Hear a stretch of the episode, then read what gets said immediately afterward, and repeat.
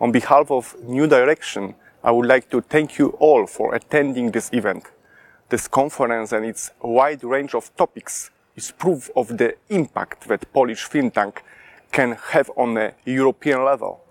Our friends at Promyka Institute are the greatest example of Polish excellence when it comes to the exporting our intellectual traditions.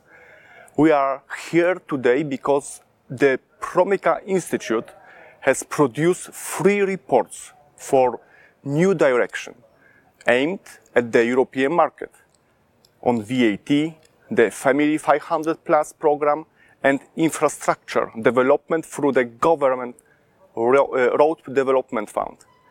Their work has shown that our government is leading the way on the innovative policies, especially when it comes to the family.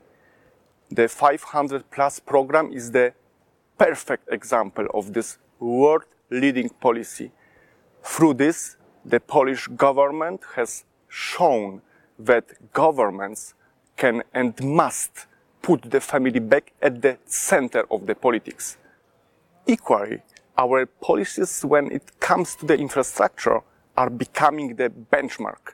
Via Carpathia will finally link the nations of the Balkans to the nations of the Baltics. Rail Baltica will connect us to our neighbors with high-speed rail. Rail to Sea will link the Baltics to the Black Sea by rail. In all of these projects, Polish initiatives are leading. Our policies are, on infrastructures are helping to bring our neighborhood closer together. We do this not just because it's important for our economy or for political connections, but because it's important for our own security. What we can conclude is that Polish policy and research is not just important at home, but abroad as well. We here today should know that Europe is watching our work and it's important for us to show our leadership in this marketplace of ideas. Thank you very much and wish you great conference and I hope you will have a fruitful debates.